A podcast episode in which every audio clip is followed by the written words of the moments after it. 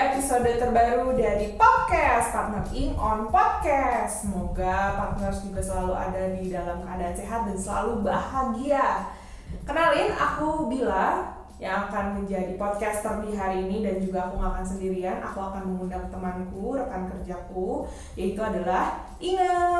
Halo semuanya, kembali lagi dengan Inga dan Bila di sini yang akan menemani pendengar-pendengar uh, setiap partner in on podcast uh, untuk apa ya mendengarkan Topik-topik menarik menarik Iya. yang akan Bahasan kita bawakan pada hari ini. Betul. Nah hari ini memang kita akan bahas apa sih? Kali ini kita akan bahas topik yang relatable banget untuk para fresh graduate atau mahasiswa tingkat akhir yang sedang mempersiapkan diri untuk terjun ke dunia kerja.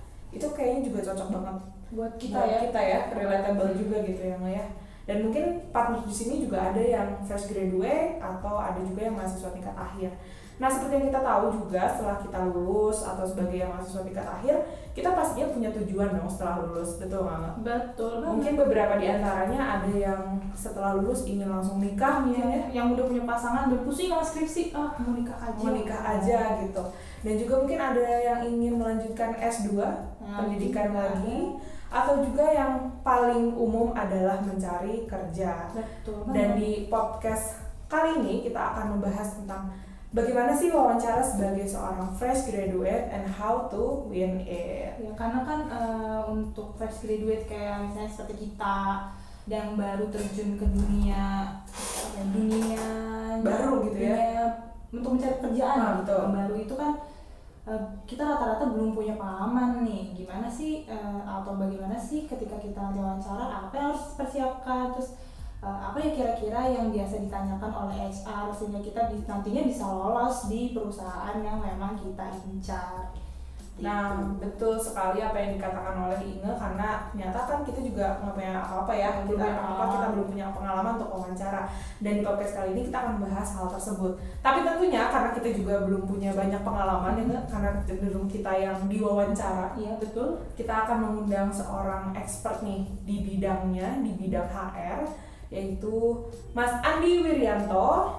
Mas Andi Wiryanto ini adalah managing partner dari Partner Inc yang mempunyai pengalaman di bidang HR selama 20 tahun lebih gila tuh nggak? Wah, Wah, udah yang lama banget. benar-benar udah pengalaman banget. Berarti Mas Andi ini udah bertemu berbagai macam eh, calon-calon Calon-calon karyawan, karyawan calon dan pekerja. bagaimana personality Betul, mereka betul. gitu. Udah menemui banyak banget kali ya. Nah sekarang kita undang aja langsung Mas Andi Wiryanto.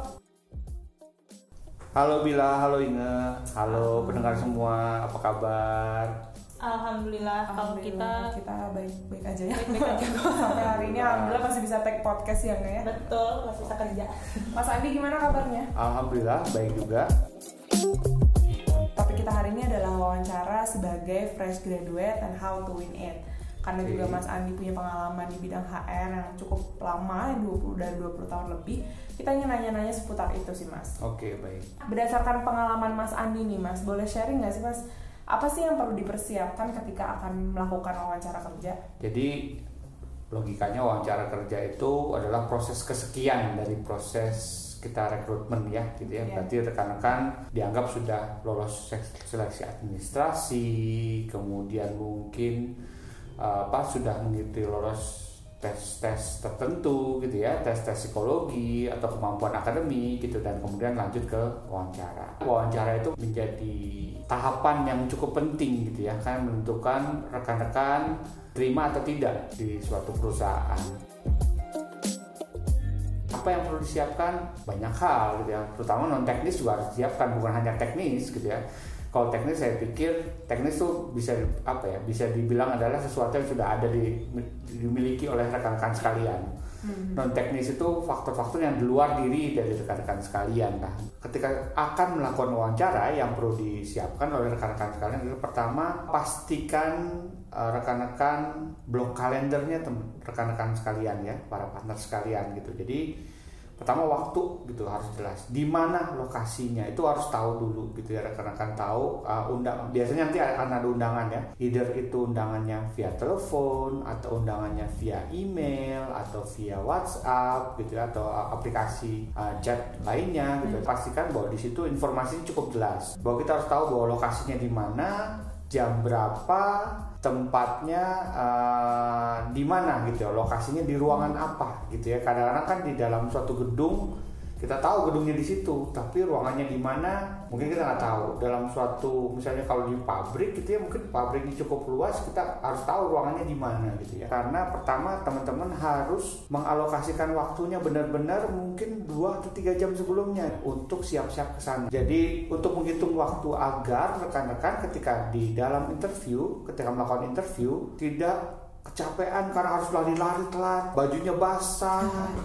Terus kemudian mungkin bagi sebagian orang membuat ada yang sesuatu tidak nyaman bau baunya mungkin ya keringetan gitu ya bau keringetan bau panas segala macam nah itu harus diantisipasi tuh. Hal kecil tapi menurut saya kadang-kadang menjadi suatu hal yang cukup uh, apa ya membuat interviewer gitu ya yang melakukan interview tuh ilfil lah. Jadi hal-hal yang yang tadinya mesinnya rekan-rekan bisa antisipasi ini atau bisa jawab pertanyaannya jadi males nanyanya. Kadang-kadang kayak gitu pengen cepet-cepet selesai aja kalau kayak gitu. Jadi tadi tadi kita tahu tempat lokasi waktu gitu. Dan saya sangat menyarankan berdasarkan pengalaman saya survei deh ke sana gitu dari rumah. Itu naik up nah naik harus naik apa berapa lama waktunya. Kalau teman-teman uh, terpaksa harus menggunakan kendaraan umum yang harus berdesak-desakan gitu ya harus penuh gitu kondisinya. Saya sangat menyarankan teman-teman juga untuk menyiapkan baju ganti. Apalagi atau naik motor. Naik motor juga sama. Naik motor terus jaraknya jauh sekali. Tapi teman-teman mau naik motor ya nggak ada salahnya juga gitu. Tapi tolong disiapkan juga baju gantinya juga. Kenapa? Karena tadi jangan sampai ketika interview atau wawancara baunya nggak sedap gitu ya. Terus kemudian di dalam beberapa pengalaman saya kadang-kadang ada uh, interviewee yang di interview itu seperti menumpahkan ini ya parfumnya kali ya. Tapi bau yang terlalu mencolok juga nggak bagus juga ya dalam proses. Jadi saya menyarankan untuk baju ganti. Ketika tadi sudah survei waktu jalan sampai ke sana coba juga lihat di sana gitu ya. Di sana kondisinya seperti apa. Teman-teman rekan-rekan atau para partners ketika masuk itu harus misalnya ngisi apa dulu prosedurnya apa itu harus tahu juga tuh. Harus dibayangkan. Karena itu menyangkut kepada waktu tadi berapa lama waktu yang harus dihabiskan untuk melakukan proses pendaftaran? Karena kalau kita masuk ke gedung kalau kita masuk ke pabrik pasti ada kalau saat ini pasti pengecekan suhu lah gitu ya.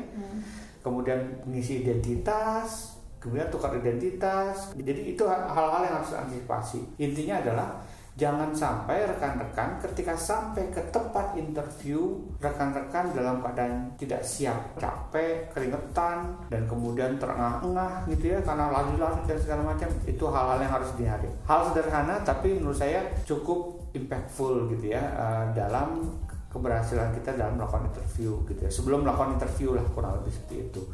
Kalau hal teknisnya, saya yakin rekan-rekan udah punya semua tuh di dalam diri rekan-rekan. Tinggal diceritain aja sesuai dengan yang ditanyakan. Itu kira-kira kalau yang tentang sebelum interview kira-kira yang siapkan.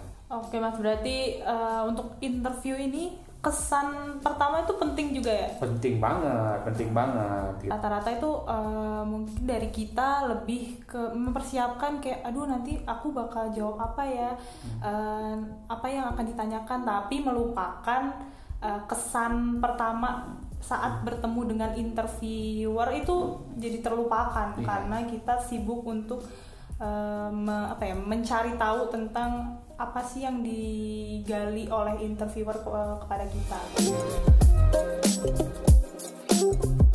Kalau untuk fresh graduate nih, hmm Eh, kira-kira ada hal khusus apa sih uh, atau enggak ada hal khusus gak sih yang harus dipersiapkan karena mostly kan sebagai fresh graduate kita masih minim pengalaman atau bisa juga tanpa pengalaman gitu untuk hmm. menghadapi wawancara kerja seperti itu hmm, mas. Hmm, hmm. Hal yang dipersiapkan yang pasti tadi ya non teknisnya tadi terlibat tepat waktu dalam kondisi yang uh, apa ya kondisi prima, gitu. prima lah gitu ya dan dan juga uh, dan tidak mengganggu lah ya dari pandangan secara visual atau dari dari bau-bauan dan segala macam. Nah, selanjutnya yang harus siapkan adalah pengalaman-pengalaman gitu ya yang uh, para partners miliki selama berkuliah gitu atau sama sekolah gitu ya. Jadi pengalaman organisasi, uh, kepanitiaan, bahkan acara keluarga pun gitu ya atau hobi dari rekan-rekan sekalian tuh itu coba diingat kembali gitu ya karena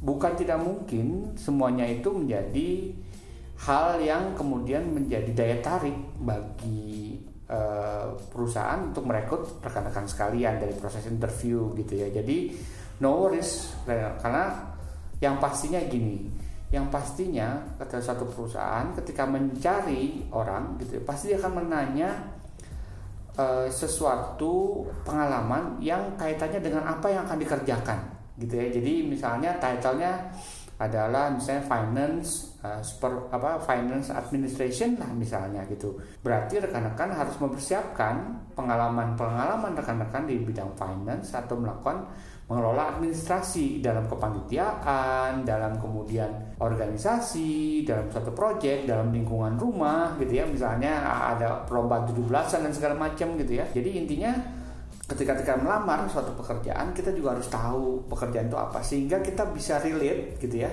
kebutuhan dari perusahaan itu uh, dalam suatu posisi tertentu gitu. Kebutuhannya dari mana? Dari pekerjaannya apa? Title pekerjaannya. Bisa kan ditulis tuh finance and admin. Dan dia punya kemampuan A B C dan D gitu. Nah pastikan bahwa setidaknya ABC ada gitu ya.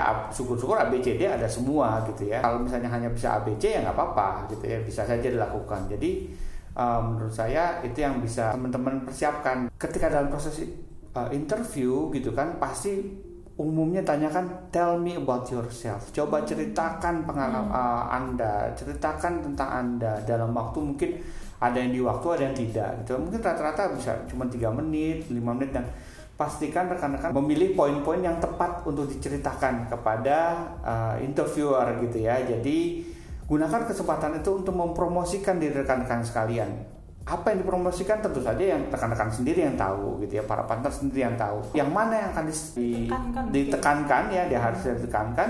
Itu pastinya hal-hal yang relate dengan si pekerjaan itu. Misalnya pekerjaan itu e, menuntut kerjasama, tapi kemudian rekan-rekan, wah saya sangat mengemari eh, kegiatan-kegiatan yang sifatnya individual, misalnya uh, travel gitu ya. Ketika travel saya senang travel sendiri, hmm. ya hal-hal kayak gitu jangan diceritakan, ceritakan saja mungkin. Saya senang traveling gitu kan gitu ya gitu. Saya suka traveling bukan traveling sendiri gitu loh. Jadi kita mesti uh, mengatur ya mana yang harus diceritakan mana yang tidak. Selanjutnya mungkin yang perlu disiapkan adalah informasi terkait dengan perusahaan tersebut atau organisasi tersebut. Rekan-rekan uh, sebelumnya harus juga melakukan riset terhadap perusahaan itu ya bisa dari mana saja. Zaman sekarang banyak internet gitu ya banyak informasi di luar sana. Tapi rekan-rekan juga bisa mempelajari terlebih dahulu gitu ya sebelum melakukan interview. Jadi kadang-kadang tanya apa yang kamu ketahui tentang perusahaan kami? Hmm. gitu ya. Itu bisa dilakukan dengan riset. Ditambah ditambah dengan rekan-rekan punya kesempatan untuk melakukan observasi terhadap kondisi lingkungan organisasi tersebut. Paling tidak di lingkungan tempat rekan-rekan di interview gitu ya misalnya. Di situ bisa lihat tuh gimana sih pola kerjanya gimana sih pola interaksi gimana para karyawan di antara karyawan saling menyapa satu sama lain saling bercanda. Itu hal sederhana tapi bisa menggambarkan kurang lebih oh oh ginilah kondisinya gitu ya. Kalau yang pertama tadi tentang diri teman-teman yang sudah dialami sebelumnya yang keduanya adalah melengkapi informasi terkait dengan organisasi atau perusahaan yang akan kita uh, uh, tuju gitu ya.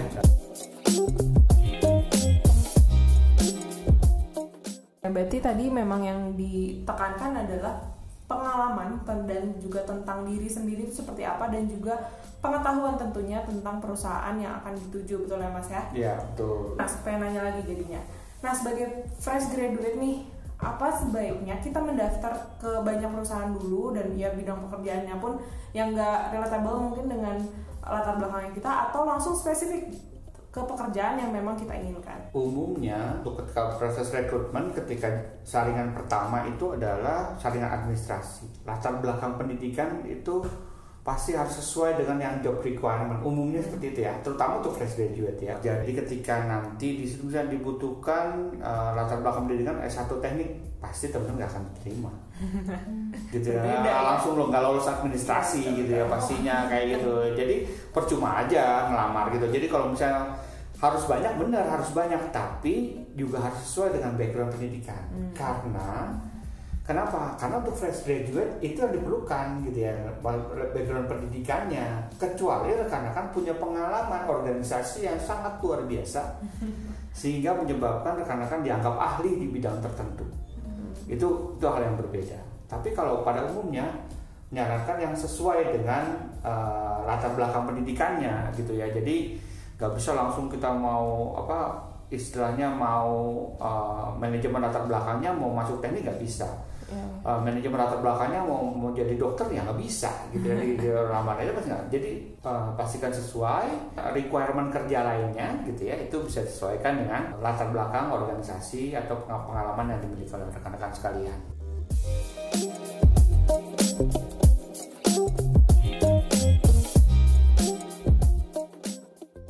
berarti buat para pendengar di sini, kalau misalnya ingin kebelet ingin dapat pekerjaan, jangan asal ngisi ya. Misalnya Hmm. teman-teman eh, backgroundnya Teknik. teknik, eh, terus ngedaftarnya di Kedokteran. kedokteran, Hmm, iya. di di mana ya? Di komunikasi mungkin ya, mungkin Hmm, bisa, tapi iya. itu apa ya, kesempatannya akan lebih sedikit gitu. Iya, jika memang teman-teman murni nggak punya pengalaman. betul betul. Ya umumnya uh, rekrutmen itu kan menyaring di setiap tahapan gitu ya gitu ya. Jadi saringan-saringan tuh yang jelas. Saringan yang awal al- administrasi biasanya tadi terkait dengan latar belakang pendidikan biasanya. Terus saringan selanjutnya adalah misalnya terkait dengan uh, tadi potensi akademi maupun uh, tes uh, psikotes misalnya. Saringan selanjutnya adalah interview gitu. Jadi uh, pastikan uh, rekan-rekan tadi di masing-masing saringan itu punya punya sesuatu yang memang sesuai dengan kebutuhan dari perusahaan. Oke, jadi sebenarnya itu kalau untuk mempersiapkan wawancara tuh lebih banyak ke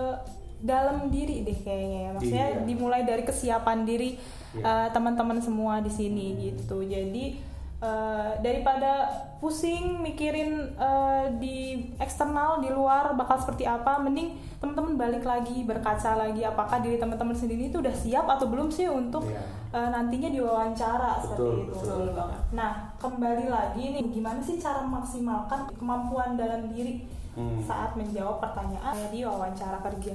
Oke, memaksimalkan itu erat kaitannya dengan bagaimana kita me- mempersepsikan proses interview itu sendiri. Jadi kalau saya sharing pengalaman saya, saya menganggap proses interview itu proses kayak ngobrol. Hmm. Kita saling mengenal satu sama lain, kayak sharing gitu ya. Kalau mungkin kalau teman-teman mencari pasangan ya kayak ngobrol ya kayak gitu aja lah sama lah sebenarnya organisasi sama karyawan itu sama gitu ya.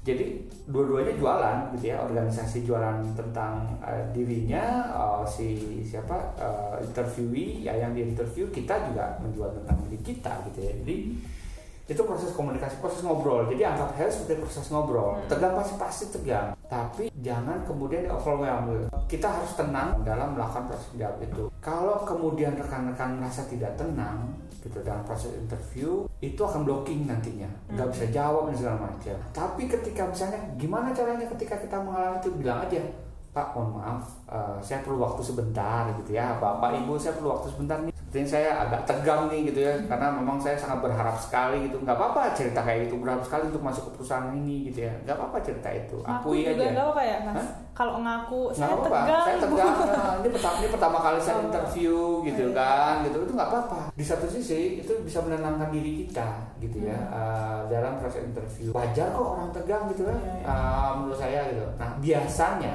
kalau pengalaman saya setelah kita mengatakan itu kita akan lebih tenang. Untuk bisa mencapai itu tadi hal teknis itu banyak. Datang lebih dulu dari waktu yang ditentukan gitu supaya tenang. Kemudian ketika masuk ya saat interviewnya itu gitu ya. eh, ya kalau sekarang mungkin nggak boleh salaman kali ya. Pakai pakaian yang proper gitu ya. Eh, Jadi jangan jangan kayak pakaian di rumah. Kenalkan diri. Ingat nama yang interview kita gitu ya. Jadi kalau misalnya belum tahu mereka belum nama, tanyakan kepada mereka biasanya oke kita akan mulai proses interview ya misalnya kalau cuma sendiri langsung gitu ya kalau rame-rame mereka akan mengenalkan pihak-pihak yang ada di situ. Ya coba ingat pihak-pihak itu dan dari mana dan posisinya perannya apa. Karena bukan tidak mungkin dari yang melakukan interview itu akan menjadi atasan langsung dari uh, uh, dari rekan-rekan sekalian para partner sekalian gitu. Jadi perlu diingat dan juga ketika rekan-rekan di interview melihat reaksi-reaksi dari muka-muka si interviewer, interviewer gitu ya ketika melakukan interview gitu tuh. Kita melihat wah gimana nih mereka dan segala macam dan rekan-rekan juga gesturnya juga tersenyum gitu kan ya uh, kemudian tegap lah posisinya gitu tapi relax gitu ya cukup relax. Posisi tubuh penting juga dalam proses interview itu. Saya merasa berhasil proses interviewnya ketika saya merasa tenang setelah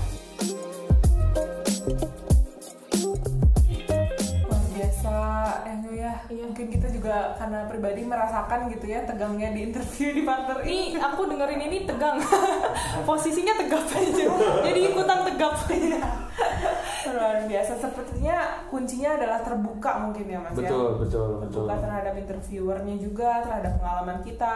Tegang wajar tapi bisa kok untuk dihadapi gitu ya hmm. tegangnya. Terakhir nih mas karena juga waktunya sudah sebentar lagi nih. Kira-kira ada nggak sih mas tips and trick khusus gitu untuk kita para fresh graduate ketika akan melakukan interview. Mungkin yang versi singkatnya gitu. Yang versi singkat. Pertama tadi siapkan diri, kenali eh, kenali diri, siapkan diri, kemudian datang sebelum waktunya, lakukan uh, pelajari tentang organisasi tersebut, pakai yang proper yang sesuai dengan dengan uh, organisasinya gitu ya. Jangan sampai teman-teman organisasi yang casual kemudian pakainya jas tapi ketika yang dia resmi gitu teman-teman hanya pakai kaos gitu ya. Jadi jadi itu juga juga pengaruh juga uh, terhadap prosesnya juga. Dan kemudian jangan lupa kalau misalnya uh, pagi-pagi jangan lupa sarapan kalau siang-siang jangan lupa makan siang dulu gitu ya jangan sampai ketika interview rekan-rekan nanti ada suara-suara yang muncul dari dari perut dari perut gitu atau membuat tidak nyaman gitu ya. Dan kemudian tenang saja kita tenang anggap aja ngobrol. Dan kemudian satu hal yang tadi belum saya uh, sebutkan ketika rekan-rekan diberikan kesempatan bertanya tanya apa pun yang menurut rekan-rekan ingin rekan-rekan ketahui gitu ya. Jadi ada kesempatan bertanya tanya gitu. Karena kadang itu jadi indikator dari rasa ingin tahu rekan-rekan, keingintahuan rekan-rekan gitu ya. Jadi itu itu juga perlu teman-teman uh, siapkan ya. Tenang selama prosesnya dan ketika ada, kita diberikan kesempatan bertanya, tanya. Tanya-tanya hal yang simpel tapi mungkin berapa lama prosesnya. Kadang nggak semua proses rekrutmen mm -hmm. gitu ya. Proses rekrutmen itu disebutkan ada berapa proses ada berapa oh, tahapan gitu ya sehingga teman-teman rekan-rekan bisa tahu uh, berapa lama ekspektasi rekan-rekan seperti apa. Dan kemudian juga bisa tanyakan juga kait dengan kapan ini diumumkan keputusannya. Saya lolos atau tidak? Apakah akan diumumkan atau tidak? Kadang tidak semua perusahaan akan memberikan informasi bahwa anda lolos atau tidak lolos. Terutama yang tidak lolos ya. Kalau lolos pasti disebutkan. Kalau yang tidak lolos kadang nggak disebutin. Jadi teman-teman kadang-kadang rekan-rekan nanti menunggu gitu ya kayak uh, apa menunggu sesuatu yang nggak jelas gitu. Kalau mereka tidak menyampaikan ketika ada kesempatan untuk bertanya bertanya. Kalau tidak ada kesempatan izin untuk bertanya. Dan tadi selalu sopan uh, dalam uh, dalam prosesnya. Nah tadi keren banget nih nge apa yang disampaikan oleh Mas Andi nih tips-tips praktis banget sih yang bisa kita aplikasikan gitu ya ketika kita wawancara kerja. Dan tadi kuncinya jangan tegang kalau tegang pun itu wajar. Dan juga persiapkan diri. Dan juga mungkin ketika ada pertanyaan ketika dikasih kesempatan untuk bertanya bertanyalah gitu. Jadi jangan malu-malu mungkin atau memang nggak ada pertanyaan kayaknya itu sebaiknya dihindari ya. Jadi lebih baik untuk bertanya karena itu menunjukkan rasa keingintahuan kita terhadap perusahaan itu. Terima kasih banyak Mas Andi sudah hadir di podcast episode kali ini. Sama-sama, terima kasih setelah mengundang kembali saya. Oh iya, tidak akan bosan-bosan kami mengundang Mas Andi di sini. Betul, karena expertnya ya ya di iya, betul. Nah, semoga pembahasan kita kali ini dapat bermanfaat bagi pendengar dan mungkin bagi kita pribadi ya, ya pribadi. Uh, sebagai pembicara dan partner sekalian. Jangan lupa nantikan terus uh, podcast kita. Partner Ing, keep, keep learning. See you on the next episode.